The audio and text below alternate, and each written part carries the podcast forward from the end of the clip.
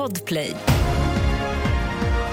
Det här är nyheten och vi inleder med rättegången mot Israel i internationella domstolen i Haag. Det är Sydafrika som gjort anmälan och anklagar Israel för folkmord i Gaza. Och på frågan varför just Sydafrika driver frågan svarar nyheternas utrikeskommentator Lisa Grenfors så här finns det en stark koppling som går tillbaka till, eh, långt tillbaka för eh, det styrande partiet i Sydafrika, ANC, och det man upplevde under apartheidåren som ju upphörde 1994. Man ser en parallell mellan hur palestinierna behandlas utav Israel jämfört med hur de svarta behandlades eh, utav det vita minoritetsstyret på den tiden.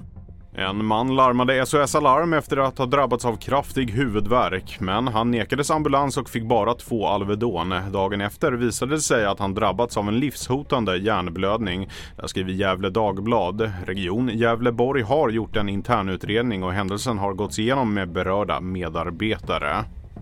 Det finns ingen tidsram för när Boeing 737 Max 9 kan börja användas igen efter att en dörr blåst av mitt under en Alaska Airlines flygning.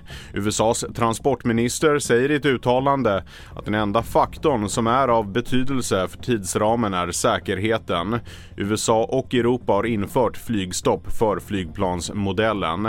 Mitt namn är Felix Bovendal och mer nyheter hittar du på tv4.se och i appen.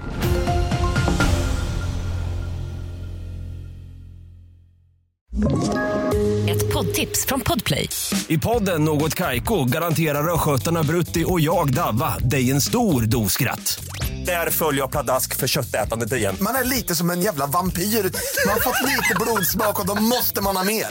Udda spaningar, fängslande anekdoter och en och annan arg rant. Jag måste ha mitt kaffe på morgonen för annars är jag ingen trevlig människa. Då är du ingen trevlig människa, punkt. Något Kaiko, hör du på Podplay. Därför arkadeinerna.